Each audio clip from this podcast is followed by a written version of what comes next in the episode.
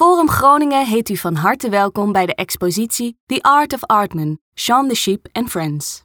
Deze tentoonstelling bestaat uit ruim 350 tekeningen en bijna 50 sets en personages.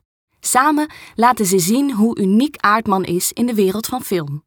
Met hun herkenbare stijl en vakmanschap brengen ze de creaties tot leven. Door middel van animatie geven de kunstenaars van de studio vorm aan hun verbeelding. De familiefoto's op deze wand nemen ons mee naar het Engeland midden in de jaren 70. Op de foto's zien we Peter Lord en David Sproxton, twee vrienden die in 1976 het bedrijf Aardman oprichtten. In 1985 sloot Nick Park, de maker van Wallace Gromit, zich bij hen aan. Peter Lord en David Sproxton waren onafscheidelijke schoolvrienden die hun eerste film maakten toen ze pas 12 jaar oud waren. Daarvoor gebruikten ze een camera die ze van Davids vader hadden geleend. De keuken was hun filmset. Hun passie en talent resulteerde al snel in een volgende korte film die ze voor het bescheiden bedrag van 15 pond aan de BBC wisten te verkopen.